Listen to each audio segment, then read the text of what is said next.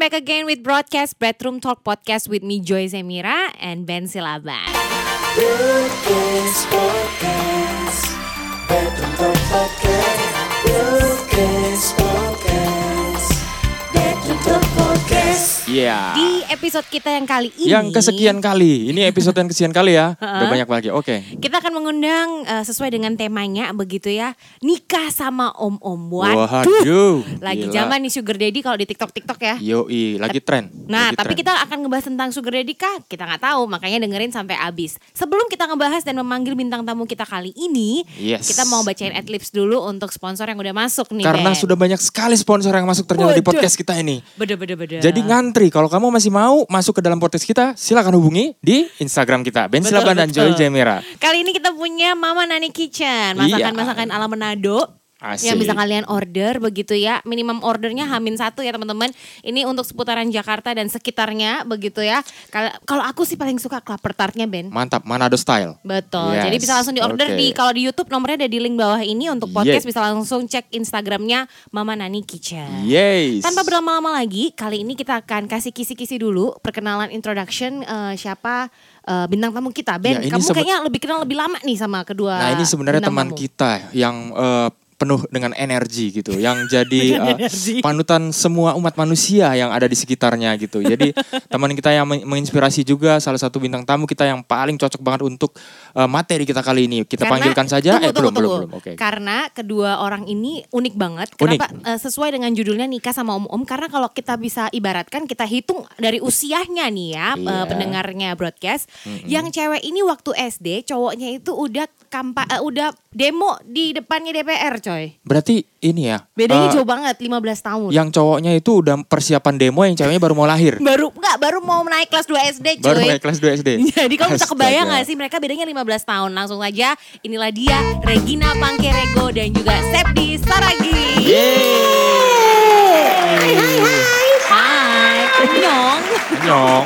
Nyong Kita ngobrolnya by Zoom lagi begitu ya Kak Sepdi Aku manggilnya Kak Sepdi dan Kak Egi begitu Iya. Karena kita eh, Kak Egi ini juga upline eh, manager aku di Jafra Wah Jadi jualan kita- Jafra lagi dia. Oh harus masuk di sini Pak. Oke, oke, ya. oke, ya. Jadi eh, kita benar-benar sedekat itu untuk bisnis dan juga di gereja. Nah, Oke. Kak Sepdi dan Kak Egi thank you banget untuk waktunya udah mau ngisi di eh, broadcast, Broadcast. bareng sama aku dan juga Ben. Boleh dong. Bedroom Mm-mm, Talk Talk Podcast. Siapa sih yang nggak kenal Kak Egi? Kak Egi nih Iya. eh, penyanyi rohani. Rata-rata lagunya viral di TikTok coy. Asik. Cari aja Regina Pangkerego pasti ada di FYP kalian. apa apa salah satu lagunya apa? Kak lu lagunya apa Kak? Doa mengubah. apa ya gue banyak asik sombong Sombong. Saking banyaknya sombong. lagunya dia sendiri lupa. Yang, yang waktu itu aku tag tag lu di TikTok kak, yang mana yang viral banget yang gue bilang kak lagu lu ada di TikTok, ingat nggak? bapak yang mengasihiku Yes, bapak yang mengasihiku itu judulnya yang viral banget di TikTok sampai orangnya aja nggak tahu kalau dia viral cuy di TikTok. Astaga. Oke, kayak gini Kak Sepdi boleh ceritain latar belakang kalian karena yang aku tahu kalian juga cross cultural merit begitu ya. Ya, Eh, Kak beda Sep- suku juga kayak kita ya. Betul, Kak Ya. Sepdi itu Batak, Kak Egi itu Manado. Boleh masing-masing dimulai dari suami dulu atau istri dulu silahkan. Iya. Eh jangan lupa mikrofonnya dipakai. Ada mikrofonnya. Joy, Joy katakan ini temanya menikah dengan om-om, tapi manggil gue kakak, harusnya manggilnya om. Betul ya, pasti gue manggil Om ya, Om, Sepdi. ya. Kalau aku udah manggil Om dari dulu ya. jangan kak, jangan dong Kak Sepdi. Ntar gue panggil suami gue juga Om dong. Kan kasihan. Ya udah, kita begitu aja dia, kita samarkan ya. Kak Sepdi silahkan. Iya kan jadi eh, Kak Egi dan Om Sepdi gitu ya. Tadi apa jadi ke, ke- jadi lupa. Latar, Oh, latar belakang. Latar belakang. Iya, eh, kalau tadi eh, Joy sudah sempat nyinggung kan eh, bahwa gua Mbatak ya, pakai B ya, pakai M, Mbatak. Kita kan Sepdi Saragi gitu. Totok ya, totok. Totok banget, ketahuan banget aja Batak.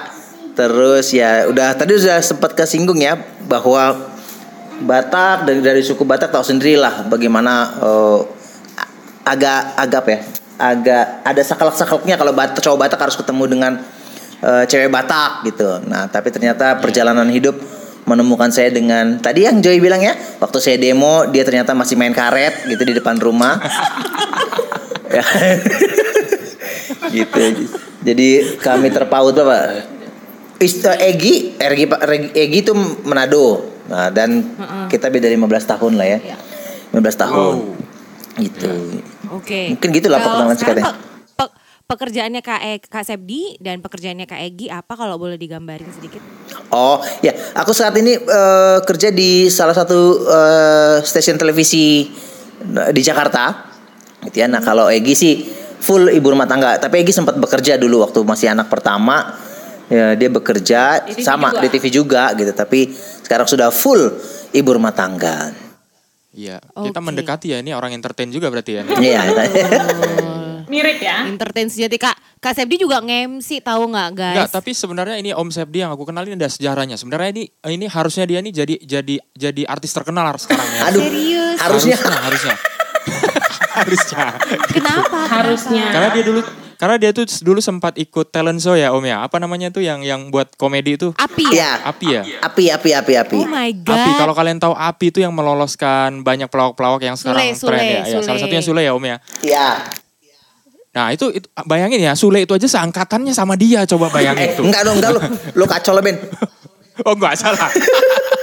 salah ya. Sule itu angkatan Kan biar angkat dramatis. api satu, Biar- gua api tiga. Oh iya biar kan biar dramatisasi kan. Oke. Oke, oke. Kalau tadi kita udah tahu latar belakang masing-masing dari eh, Kak Egi dan juga Kak Sepdi. Sekarang kita pengen tahu juga nih mungkin dari Kak Se- Kak Egi. Kak Egi tahu kan ini usianya beda 15 tahun. Terus bagaimana awal pertemuan kalian? Mungkin eh, dari awal itu cinta pertama, cinta at the first sight atau gimana nih? Kesekian kalinya apa gimana gitu? Tentu bukan Iya. eh, cinta pertama ya Joy, tentu bukan. Jadi waktu Oh, itu eh, Tentu bukan cinta pertama tapi om-om pertama. Iya, itu dia. Om-om pertama. Jadi eh, dulu awal kenal tuh kan dulu kami satu gereja dan Sabdi ini adalah ketua youth-nya. Nah, that's why eh, lumayan intens lah, lumayan intens dan kami bikin komunitas. Waktu itu Sabdi dan teman-teman bikin komunitas dan aku join di komunitas itu. Eh, Itu umur berapa? Aku aku tuh mulai pelayanan di gereja itu dari SMP Joy. Cuma aku udah Oke. tahu Sepdi udah lama. Karena kan dia ketua youth, dia tuh terlihat lah gitu di gereja. Dan dia justru lebih dulu kenal papaku karena papaku musisi kan. Oh, angkatan papa dong berarti aku. Hampir. Jadi justru Terus oh, papaku jadi ketemunya di situ ya? ketemu di situ jadi papaku sama dia tuh duluan lebih dulu pelayanan udah bertahun-tahun sampai akhirnya Iya. aku udah mulai nyanyi di sana udah mulai pelayanan di sana dan aku gabung lah di komunitas yang uh, Sebri dan teman-teman buat gitu akhirnya dari situ deket-deket-deket dan karena kasarnya kakak komsel gitu ya jadi sering curhat dia tahu seluk beluk keluargaku pelayananku. Jadi aku suka cerita. Dan memang kan nggak cuma aku saya setiap anak-anak komsel tuh ceritanya ke desa kan. Jadi eh, aku cerita juga tentang hidupku ke dia. Nah kalau saat itu aku bener-bener dekat sama dia tuh saat itu aku 3 SMA ya sayang Tiga SMA. 17 tahun ini gitu kan? Saya 17 tahun aku SMA kelas 3 ya udah akhirnya deket deket deket aku pikir ya udahlah ini antara adik komsel dan kakak komsel. Tapi kok lama-lama nih orang kok ngedeketin gue gitu kan? Nih orang kok intens. Eh, waktu itu kita masih YM ya? Yahoo Messenger Iya, ya sayang? iya, Pak, iya. YM gitu Asik. kan? Gila tuh lawas BBM ya. juga belum ada tuh ya. Embur belum ada. Jadi itu masih Yahoo Messenger jadi aku di sekolah dia YM-in aku dia chat aku gitu.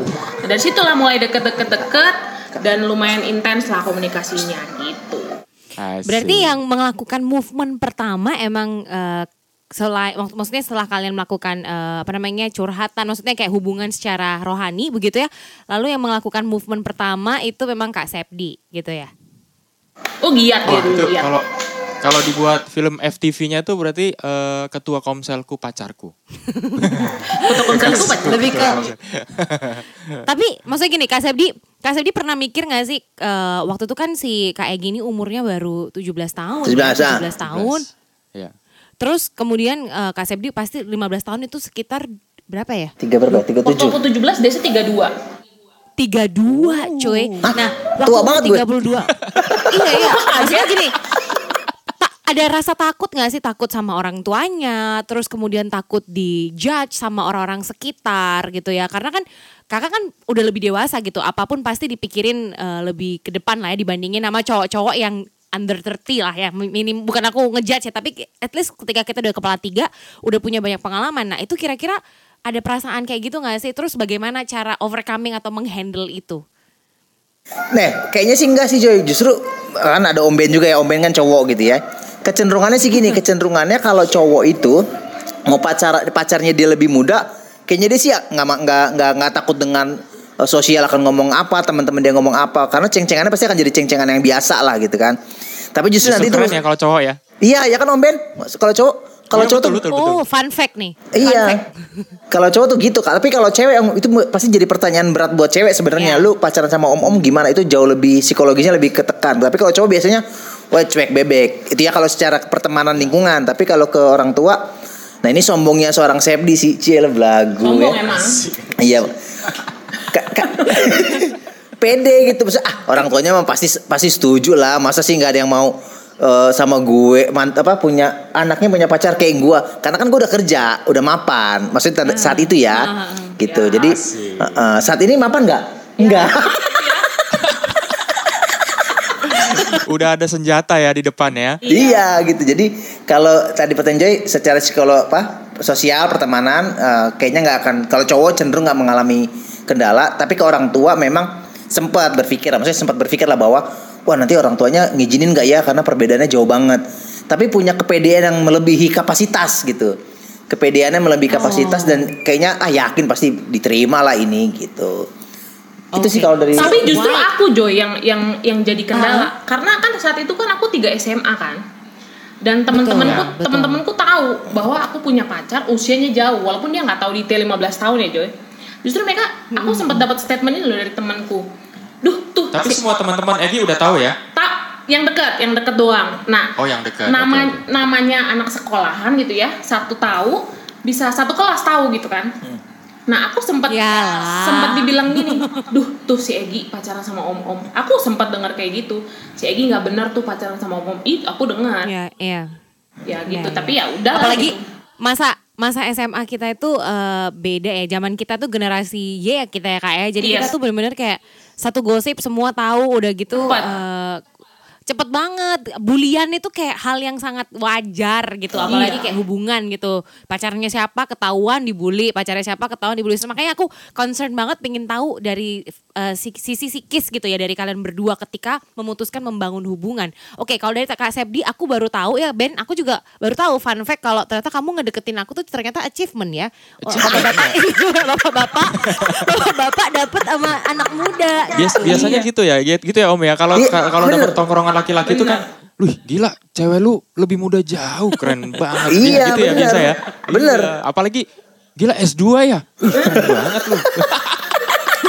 Oh, gitu ternyata. Oke, kita Iya. dari dari sisi Kak Egi ya. Iya. Kak Egi, eh, terus eh, kemudian kenapa bisa berani mengambil keputusan untuk oke lah gue coba deh jalan sama Sepdi yang notabene 15 tahun lebih tua. Ini bakal nyambung nggak ya sesuai nggak ya sama apalagi kan masa SMA kita pasti pengennya nongkrong ya kayak anak-anak zaman dulu lah ya pengen nongkrong, pengen bisa nonton bareng, ngobrolin hal yang sama atau isu-isu yang relevan sama usia kita. Itu gimana tuh momen itu? Nah, saat itu aku memang pada awalnya adalah aku orang yang cukup terbuka sama Sepdi dari awal. Jadi untuk masalah komunikasi berdua tuh sangat nyambung, sang- sangat terbuka, sangat nyaman gitu loh Joy. Jadi tidak ada hal-hal yang aku sembunyikan. Baik kasar gini, masalah orang tuaku, masalah eh, di sekolah gitu ya, masalah di pelayanan, teman-teman gereja gitu. Mostly dia tahu gitu. Jadi eh, memang aku sama dia tuh senyaman itu untuk cerita berbagai hal kasarnya gini kenakalan-kenakalan anak SMA bahkan eh, segala macam nakalnya aku kasarnya zaman SMA itu dia tahu gitu. Nah kalau dibilang eh, ada kendala atau mungkin kepengen gak sih punya eh, teman atau orang terdekat atau pacar yang seumuran dalam artian se seirama gitulah ya segala-galanya gitu ya? Yes. karena aku pikir enggak gue udah nyaman aja sama Sepdi kasarnya gini Sepdi itu kan eh, sedikit cerita Sepdi itu kan memang tipenya kan ngayom ya tipenya apa ya Bapak. bapak banget emang bukan cuma om om emang bapak bapak gitu dari dulu gitu kan Berarti bukan om-om lagi ya. bapak Bapak. Bapak-bapak. jadi jadi tuh jadi tuh memang dari dulu tuh aku nggak ada kendala apa pun. Aku nggak malu cerita masalah aku dari dulu sama dia gitu. Nah that's why mungkin itu yang membuat aku nggak ada kendala atau nggak ada kayak barrier gitu untuk me- cerita apa pun sama dia. Kalau masalah jalan-jalan atau misalkan pergi berdua gitu ya saat itu SMA eh, ya aku ajak dia juga aja gitu. Walaupun memang saat itu saya sibuk ya karena kerja di TV kan. Dan aku saat aku misalkan mau ke ulang tahun teman mostly dia juga nggak pernah bisa ikut karena dia kerja waktu itu masih produksi di produksi jadi dia kerjanya tuh jamnya nggak teratur gitu kan tapi kalau sabtu minggu dia bisa dia pasti temenin dan aku fine fine aja gitu ajak dia ke ke lingkungan aku gitu loh Joy fine aja gitu Oke. Berarti di sini aku nangkep gini Ben. Jadi Ya. seorang Kak Sepdi itu juga bisa eh, berbaur gitu dengan mengerti apa yang dibutuhkan oleh Egi yang usianya 15 tahun di bawahnya dia gitu. Mengerti dengan kebutuhan. Karena kan Betul. nggak semua orang nggak semua orang itu bisa eh, mengerti kebutuhan pasangannya apalagi dengan usia dan perbedaan budaya gitu Betul, ya nggak betul, sih? betul. Bahkan itu pun kita berdua juga masih struggle ya kan sayangnya maksudnya di awal-awal Masih banget, masih. sampai sekarang. Iya, nah, boleh nggak sih dari kalian berdua eh, sebelum kasih tips ke teman-teman yang mungkin lagi ngedengerin broadcast punya kendala yang sama eh, Nggak, tapi aku punya usia pertanyaan gitu. dulu nih. Nah, silakan mereka. silakan. Jadi gini, maksudnya eh, kebetulan aku kenal udah lumayan kenal lama nih sama Om Sepdi gitu kan. Memang dia mungkin secara umur bi- lebih tua dari Egi, tapi kalau secara kalau kita ngelihat langsung dia atau kita ber, ber- apa namanya eh apa apa interaksi Berinteraksi, interaksi ya. langsung itu eh, nggak akan kelihatan itu umur umur fisiknya tuh nggak akan kelihatan malah justru dia itu kayak kayak kita sebayaan jadinya karena dia bisa Hmm. bisa berada di di itu kita di di age gap kita itu Betul. Nah, di situ jadi makanya mungkin gar- eh, itu salah satu sebab mungkin ya Egi mungkin ada rasa ketertarikan wah ini nyambung nih gitu bisa bisa enak ngobrolnya gitu kali ya Hmm. Benar-benar Nah, Ben. pertanyaanku adalah gini apakah emang eh, Sepdi atau Om Egi, eh, eh, Om eh, Om Sepdi atau Egi itu dulu itu eh, lebih memang udah merasa tetap nyaman gitu dengan dengan Hmm. dengan pacaran yang lebih tua atau karena udah ah kayak Egi misalnya ah ketemu Sepdi ini udah udah udahlah udah gini aja lah Atau Sepdi emang punya gini, gitu. kecenderungan lebih suka yang lebih tua atau lebih suka Iya. lebih muda? karena gitu. karena aku punya teman yang dari awal pacaran sampai ke berapa kali pacarnya itu dia seneng yang Yes. tua emang Ah. gitu Hmm. gitu apa emang kayak gitu apa udah kepaksa aja gitu udah udah udah klik udah klik aja gitu. gitu gimana Jadi- satu jadi ya kalau- masing-masing lah masing-masing Kalau aku, kalau aku Om Ben, aku malah nggak pernah punya pacar lebih tua. Bahkan Iya, kalau iya. kendala di aku saat itu ya, bukan kendala besar, cuma sih jadi bahan pertimbangan aku mungkin sama keluarga aku saat itu ya. Em, aku tuh kan keluarganya musisi, mantan kasarnya gitu ya. Yang sebelum sebelumnya tuh rata-rata musisi Om Ben dan seumur, nggak jauh lah umurnya. Nah, baru dia doang yang udah jauh, background beda, suku beda gitu ya. Dan itu mungkin jadi jadi kendala banget gitu saat itu ya. Nah, tapi memang kalau dibilang ada kecenderungan nggak ada karena eh, aku aku nggak nggak nggak pernah harus yang umurnya segini atau dia lebih tua segini enggak gitu. Jadi eh, yang ngalir aja saat itu ya ya udah ketemu sama Sepdi nyaman sama dia ya hubungannya dilanjutin lebih serius gitu. Tapi nggak tahu Sepdi kalau Sepdi pun enggak kayaknya ya. Gini Om Ben, tadi kan Egi bilang eh, dia nyaman sama sama gue gitu kan. Jadi semua kenakalan-kenakalan SMA-nya diceritain. Nah, jadi gue mikir, wah dia nakal. Mendingan nakal sama om-om. Ada yang jagain ya, ada yang Iya, ya kan? pengalaman gitu ya. udah pengalaman jadi jadi bisa ngerem ya gitu ya atau kalaupun rem blong bisa diatur blongnya ke mana gitu ya gitu. Jadi itu punya kecenderungan nggak kak? Maksudnya kakak sendiri Nggak, punya mantan yang usianya jauh lebih muda nggak? Enggak sih kalau kalau gue mikirnya gini, gak pernah. Paling beda cuma 2 tahun. Ya, sama lah kita. Ya sama gitu. Oh, iya, iya. Nah cuman mungkin merasa kayak akhirnya merasa nyambung ya tadi Egi bilang mungkin ini eh, nggak apa-apa kali kita ceritain. Maksudnya gini mungkin Egi juga merasa nyambungnya gitu karena dia mendapatkan dia kan nggak punya kakak nggak punya kakak apa kakak cowok adik cowoknya eh kakak cowoknya meninggal kan waktu eh, Ya. ada 2014 2013 eh 2003 ya 2003 terus mungkin dia sama papanya mungkin kurang dekat juga kurang kurang komunikasinya ya komunikasi itu kayak ya sama bapak sama anaknya mungkin sama anak perempuannya Canggung. canggung nah terus tiba-tiba ketemu gue yang dia bisa ngungkapin tadi Egi bilang kan dia bisa ngungkapin semuanya bisa cerita semuanya terus dia dapat dapat kayak gue tuh ngayom yang bahasa dia tadi "Oh, ini ini kok cowok bapak banget ya ya karena udah tua ya kan 15 tahun ya masa gue anya anya anya gitu kan nggak mungkin kan jadi dia ngerasa wah dapat figur itu gitu ya kan? Oke. jadi ny- jadi eh, nyambung. Nah, ketika dia merasa nyambung nyaman sama gua, gua nggak mau membuang kesempatan itu, ya kan? Gua nggak membuang kesempatan itu, ya gue tangkep aja sekalian gitu. Oke. Nih ini ini seru nih. Kalau tadi Egi Egi itu udah mende- mendeskripsikan eh, kenapa kok dia nyaman dengan seseorang yang 15 Iya. tahun lebih tua bahkan secara sosial pun eh, itu beresiko gitu ya buat buat seorang perempuan gitu ya usia aku sama kayak gitu sama gitu ya mirip dan ngerasa kalau kita yakin banget kalau kita pacaran sama yang lebih tua tuh bakal jadi nyinyiran. Nah, sekarang dari Kak Sepdi nih, apa yang membuat kamu tertarik dan melakukan movement mendekati anak usia 17 tahun waktu Anda umur 32 tahun? Sedangkan kan saya yakin Anda umur 32 tahun nggak mungkin ketemu perempuan baru Egi doang kan? Kayak gitu. Tiga Iya, doang dan kata pastinya juga Egi kan Eginya belum berpikiran untuk serius kali ya. Iya. gitu. Betul. Wah Iya, banget om, iya. betul om, betul om. Ya, iya. Tapi justru gini, gue malah memang awal deket sama Egi nggak kepikiran perbedaan usia. Sa- Oke. sama sekali nggak nggak connect. Ih, gue bakal beda 15 tahun, nggak kepikiran ya. Mungkin seperti Om Om Ben bilang, karena mungkin lingkungan gue itu kan memang lingkungan yang seusianya Egi semua saat itu.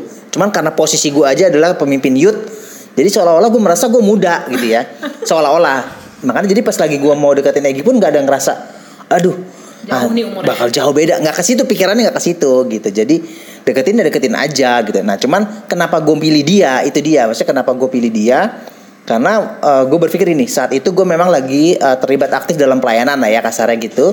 Nah gue mesti punya pasangan yang juga mengerti tentang pelayanan. Jangan sampai ketika gue pelayanan pasangan gue malah lu ngapain sih ke gereja mulu? Lu ngapain sih komsel mulu? Nah berabe nih gitu. Nah saat itu karena gua pemimpin youth, gua melihat Egi dia pelayannya tim pelayan di tempat gue gitu kan. Dia rajin jadi singer, jadi apa terus kalau ada uh, acara-acara gereja dia ikut. Terus gue mikir gini, loh kenapa nggak dia aja ya? Toh dalam dalam lingkungan yang sama, kalaupun gua pelayanan pasti ada dia. Gue pergi melayani ada dia dan dia mengerti tentang dunia pelayanan. Nah itu jadi nggak akan jadi masalah ketika gue akan tetap aktif dalam pelayanan. Nah akhirnya gue pilih dia gitu. Eh ternyata ya nyambung nggak- terus. Tapi menurut aku eh, kalau ini secara ini bukan ini kalau dari lihat dari sisi rohani terjawab ya, tapi dari sisi jasmani nih kak, kan Oh. cowok visual banget ya. Dan menurut aku apa karakter fisik apa yang ngebuat kakak suka sama Egi gitu loh? Maksudnya kita nggak bisa bohong Egi itu cantik banget ya kan? Manis, eh, orang Manado, cakep gitu. Tapi ap- di momen itu kenapa Egi gitu? Eh, Selain selain tadi jawabannya kakak Ada karakter fisik atau karakter sifatnya yang gue suka nih Kayaknya cewek ini gue cocok sama cewek ini gitu. Terlepas 15 tahun lebih muda nih. Apa ya? Kalau fisik sih nah ini yang kadang-kadang gue juga bingung Joy karena banyak orang eh, antara percaya nggak percaya gitu ya. Mesti oke cowok ngelihat fisik. Kalau boleh jujur kalau ada yang bilang ini waktu karena gue waktu waktu deketin Egi mamahnya nih ini statement mamahnya loh ya yang ngomong gini. Iya. Sepdi kamu kamu ngapain sih deketin deketin anak tante? Ini bahasa mamanya nih jangan sampai nanti gue dikemplang lagi nih gitu iya. Nanti kita tag deh mamanya. Ya kan? Jadi waktu gue pelayanan dulu kan gue dancer. Wah banyak ya kelak kebuka deh nih. Gue nih dulu dancer. dancer. Eh, tapi dancer komedi makanya jadi pelawak.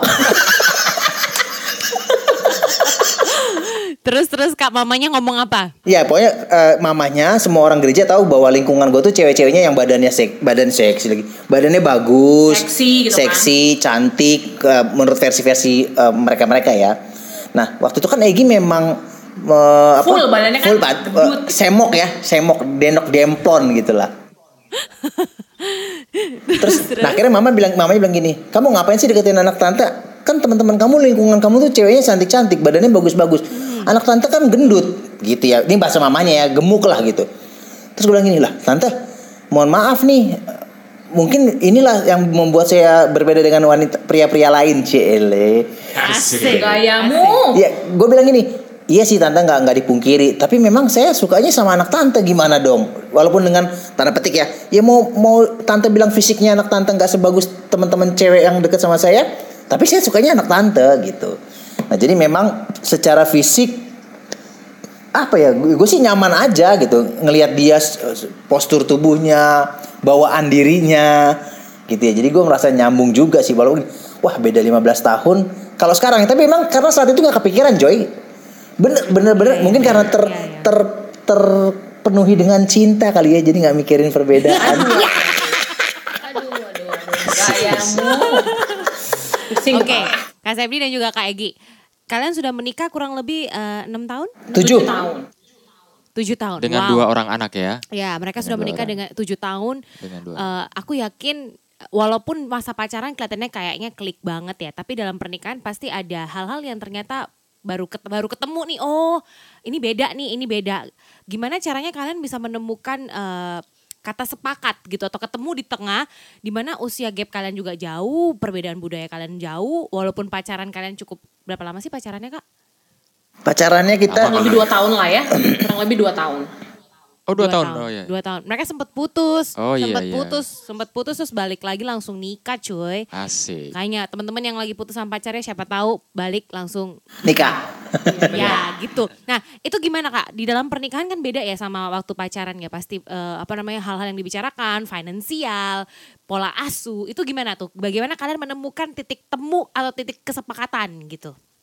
Jadi Joy dulu waktu awal-awal pacaran, bukan awal pacaran, sudah berjalan pacaran dan eh, semakin di- diteguhkan waktu awal-awal mau persiapan nikah.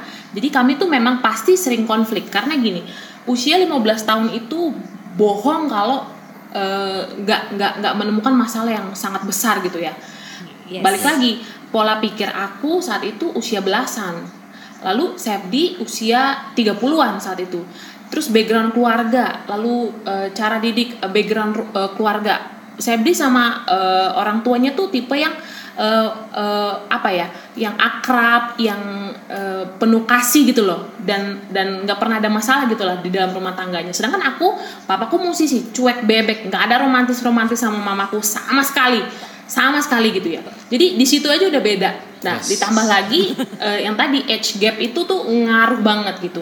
Jadi beberapa kali memang kami berantem yang hebat eh, dan eh, beberapa kali kami juga menyerah. Menyerah dalam arti gini, aku ber- merasa gini, wah nggak bisa nih gue nikah sama dia nih. Kalaupun nanti mau serius, gue nggak bisa kayaknya nikah sama dia nih.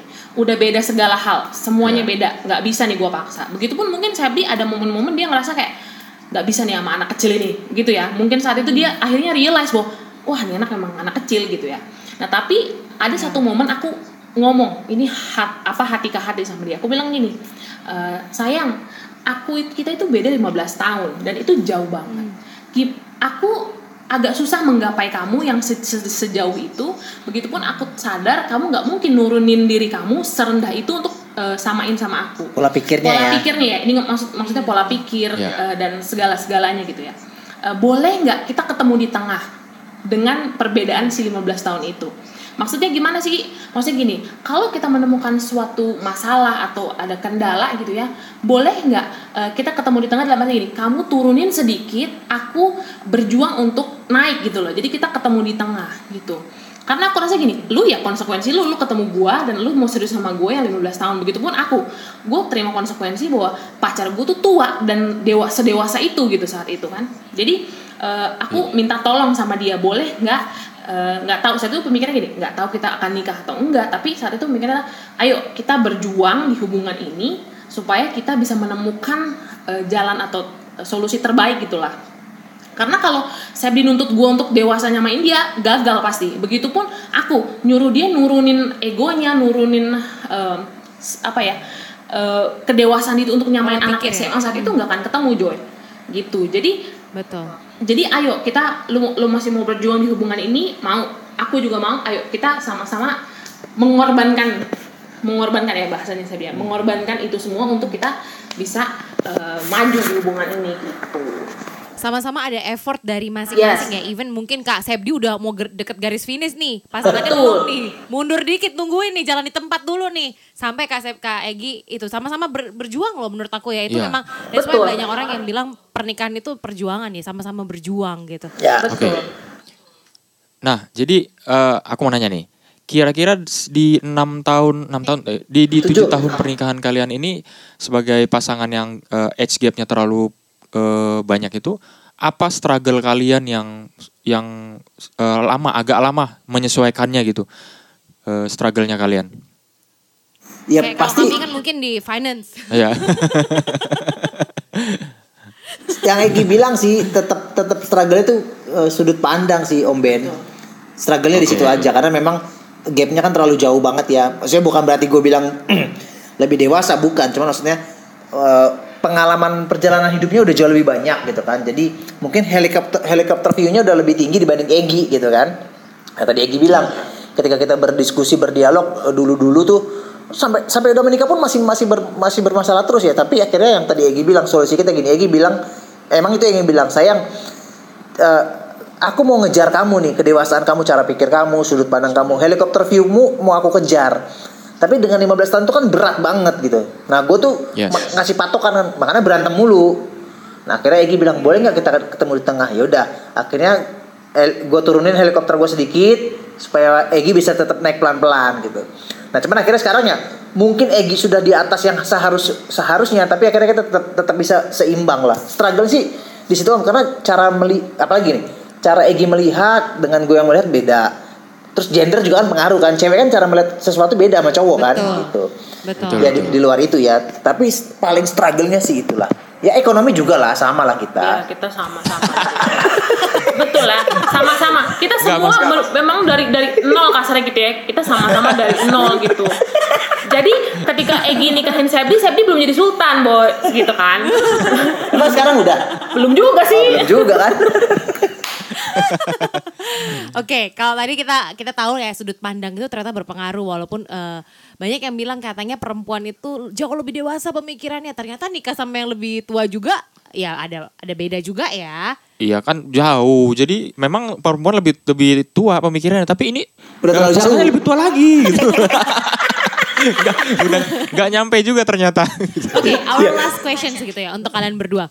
Eh, mungkin yang di sini yang lagi denger ataupun lagi nonton di YouTube kita mengalami struggle yang sama eh, mengenai perbedaan usia dari sudut pandang bahkan restu ataupun takut akan stigma dari eh, sosial mereka begitu. Iya. Boleh nggak dikasih sedikit tips dan juga eh, step-step apa yang kalian lakukan pertama supaya mereka juga bisa ngikutin nih siapa tahu bisa jadi eh, kunci atau bisa jadi solusi buat mereka. Yes. apa tipsnya ya ya nangis tuh. Bocah bocah bocah. Ya. Bocah. Ka- kalau dari kalau dari gue sih ya Sadi tipsnya bahwa ya melewat setelah lewat semuanya ya maksudnya saling memahami sih tadi karena perbedaan yang sangat eh, banyak ini pasti permasalahannya juga kompleks banget. Dari masing-masing pihak harus men- mengerti eh, apa ya pasangannya. Oh anak eh, perbedaan anak misalkan Egi nih Egi nih Egi waktu itu misalkan anggaplah nikah umur 2 Dua-dua. dua-dua. Oke, gue memahami anak usia umur dua-dua tuh kayak apa sih perilakunya segala macam dan gue harus mem- mengerti itu. Nah, Egi juga sama kan dia juga mengerti. Oh, memang chef ini udah dewasa banget eh, pola pikirnya segala macam dia mau coba memahami. Nah, yuk sama-sama tekan ego, tekan apa ya? Wah, ya egonya kita untuk mau mengerti. Nah, kalau sama pasangan tidak saling menekan ego akan sulit sih. Jadi memang yang penting adalah menekan ego masing-masing sih. Betul. Kalau Egi? Ya, Kalau dari kayak gini, Kalau aku tips apa ya? Eh, pada kalau dari sisi aku yang mungkin jauh lebih muda gitu ya.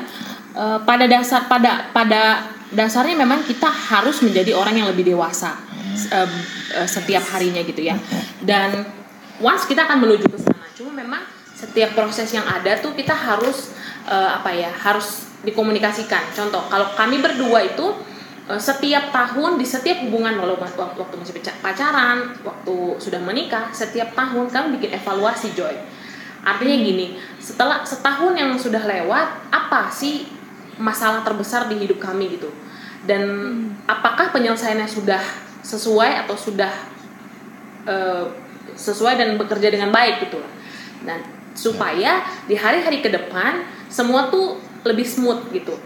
Karena nggak bisa dipungkiri, contoh aku, aku sama Sebi ada satu masa besar kita ngalamin kayak kemarin kami eh, anniversary ketujuh gitu ya. Kami eh, jadi kayak kami evaluasi setahun terakhir apa masalah terbesar. Contoh eh, komunikasi dalam hal keuangan. Jadi udah komunikasi bermasalah, di keuangan juga bermasalah gitu ya. Nah kami kami komu- komunikasikan gitu. Kemarin kita gini sayang, kamu salahnya di sini atau kita kelirunya di sini. Oke next di di eh, hari-hari besok kita harusnya lebih begini, kita lebih bijak di sini. Komunikasinya, Sepdi itu tipe orang gini. eh, kalau dia rasa dia nggak perlu ngomong, ya dia nggak ngomong. Padahal aku aku perlu dikasih tahu gitu. Itu hal simple yang Iya. bisa jadi kendala besar buat kami saat saat, saat kemarin gitu ya. Jadi eh, nggak bisa sayang, kamu harus ngomong apa pun itu supaya aku tahu gitu nah kayak gitu oke besok besok apa pun kalau misalnya dalam hal keuangan aku akan setransparan itu ya aku akan infokan ke kamu sebelum dan sesudah seperti itulah gitu. Jadi kalau dibilang tips em, saling mengerti dan dikomunikasikan sih segala sesuatunya kalau aku ya. Karena aku tipe orang yang harus dibicarakan segala sesuatu. Aku seneng ngobrol apa pun itu bentuknya gitu. Jadi eh, dan puji Tuhannya Sabdi tipe orang yang oke. Maksudnya ya oke oke kamu eh, butuh dikomunikasikan ya udah kita ke depan akan perbaiki itu semua gitu Asik. Wah, sayang. Hai, Tante Joy. Bingung Joy. dia, sayang. Seva Junior, Seva Junior. Nggak Nah ini dia eh, Bapak Ibu yang lagi nonton ya Inilah kalau kita parenting Pasti tetap ada anak ya Karena aku tahu Kak Egi dan Kak Sepi juga sama kayak kami nggak pakai neni begitu ya Jadi, Iya, betul. eh, selalu selalu ngurus sendiri dan eh, aku tuh salut banget ya sama ibu-ibu milenial yang Yes. seumuran sama aku pegang dua anak loh terus masih juga ngejafra kemarin terus juga masih bisa ngurusin banyak hal gitu dan menurut aku untuk jadi ibu rumah tangga itu nggak mudah loh Ben nggak mudah Iya. Iya aku mengerti saya. mudah ya. Oke, eh, kayaknya di di di sekitaran komunitas kita gitu ya, teman-teman di broadcast yang lagi denger, aku punya banyak banget teman-teman yang menikah jauh usianya, tapi yang paling jauh emang Kak Sepdi dan juga Kak Egi. Contoh tadi kita, eh, aku dan Ben pun juga berbeda usia sekitar 8 tahun, dan yang di- dibilang sama Kak Sepdi itu bener banget. Sudut pandang kita tuh bener-bener eh, beda banget ya Beb ya. Ya betul. Apalagi orang Batak. Yang tadi Kak, Kak Egi bilang tuh bener banget. Kalau kayak Ben tuh sama kayak Kak Sepdi. Nggak bisa ngomong, eh, kadang dia Kenapa kalau saya dihakimi nih sekarang? Iya emang gitu. Maksudnya gini, ini ini sudut pandang yang yang berbeda nih contoh kasusnya gini. Oh, iya. Dia nggak dia kan nggak nggak akan ngomong sampai until udah udah udah udah memuncak. Bener gak sih kayak kayak gitu? Kayak, gitu, kayak Iya, kita nggak ngerti kalau kita tuh salah gitu loh. Jadi kayak Iya. kayak itu ternyata tuh perempuan butuh di diutarakan karena aku aja serandom apa pun aku ngomong ke dia. Ya but I choose to silent, you know. Ternyata tuh nggak boleh loh. Katanya Kak Sebdi tuh nggak boleh tahu. Oh iya iya, oke oke. Oke, Oke. eh, mungkin pesan-pesan terakhir dari Kak Sepdi dan juga Kak Egi yang mau disampaikan, eh, mau da- mau dari sisi Ya, kerohanian mungkin juga boleh. ya boleh. Mungkin ada orang yang sedang memulai hubungan dengan yang sama seperti kalian, jauh sekali gapnya atau mungkin Terhalang restu. terhalang restu. Apa pesan dari kalian buat Tadi mereka-mereka? tadi udah ada pesannya kan? Udah ada tadi. pesannya? Oh, iya, iya, iya, Terus iya. yang ini mungkin eh, conclusion. Conclusion, conclusion Ya. ya, oke. Berarti Egi ya, Ternyata, rasanya apa? ternyata, gitu. Apa aja saya yang Iya. menikah sama om-om. Berarti berarti dari sudut pandang wanitanya nih. Iya. Iya. Iya. Silakan. menurutku gini loh eh, sekalipun kita menikah sama orang yang nggak jauh umurnya atau yang sepantaran menurutku eh, pasti juga akan ada kendala gitu ya. Eh, tapi mungkin kalau dalam hal ini kendala kami jauh lebih banyak gitu yang biasanya mungkin tiga ini 10 gitu ya. Tapi Ya. bagiku gini eh, aku pemikirannya sederhana saat itu gini gua tuh eh, akan menjadi orang yang dewasa gitu. Jadi menurutku jalanin aja ketika kamu udah yakin dan secara karakter cocok eh, sesuai sama keinginanmu dan yang pasti eh, bagiku gini yang penting dia bekerja dan dia eh, apa ya bertanggung jawab. Dalam artian kalau dibilang sayang keluarga sayang sama orang tua itu pasti ya. Cuma maksudnya yang terlihat sama aku saat itu adalah yang penting dia rajin bekerja bertanggung jawab eh, laki-laki yang eh, seperti yang aku idam-idamkan gitulah ya secara karakter go Asas. ahead gitu loh. Jangan takut bagiku eh, pasti akan ada kendala di keluarga pasti. Apalagi mungkin udah umur jauh beda suku gitu kan. Pasti akan kendala. Cuma bagiku ketika memang tujuannya baik lalu kita mengenal pasangan kita dengan benar dan kita yakin bagi aku nggak nggak nggak harus mundur gitu. Maju aja Eh, nanti akan dibuktikan seiring berjalannya waktu orang tua akan melihat kok gimana hidup kita gitu dan eh, gimana kita berdua nanti ngejalaninnya. Jadi jangan takut maju aja eh, selama yang kita yakini itu eh, kita yakin dan percaya gitu ya dijalanin pasti akan akan oke oke aja. Begitupun karena aku aku gitu juga kan di orang tua awalnya ada kendala. Karena Ya aku tahu banget cerita latar belakangnya mereka mau merit begitu ya. Iya. Seberapa struggle-nya seorang Regina Pangkerego loh.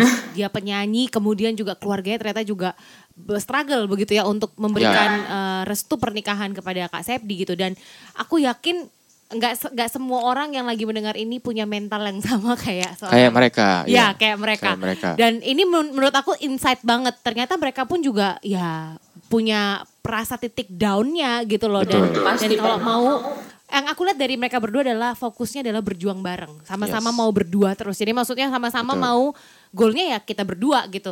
Nah kalau teman-teman di rumah baru cuman golnya, maksudnya kayak udah baru disentak dikit sama calon mertua udah takut ya udahlah tereliminasi anda.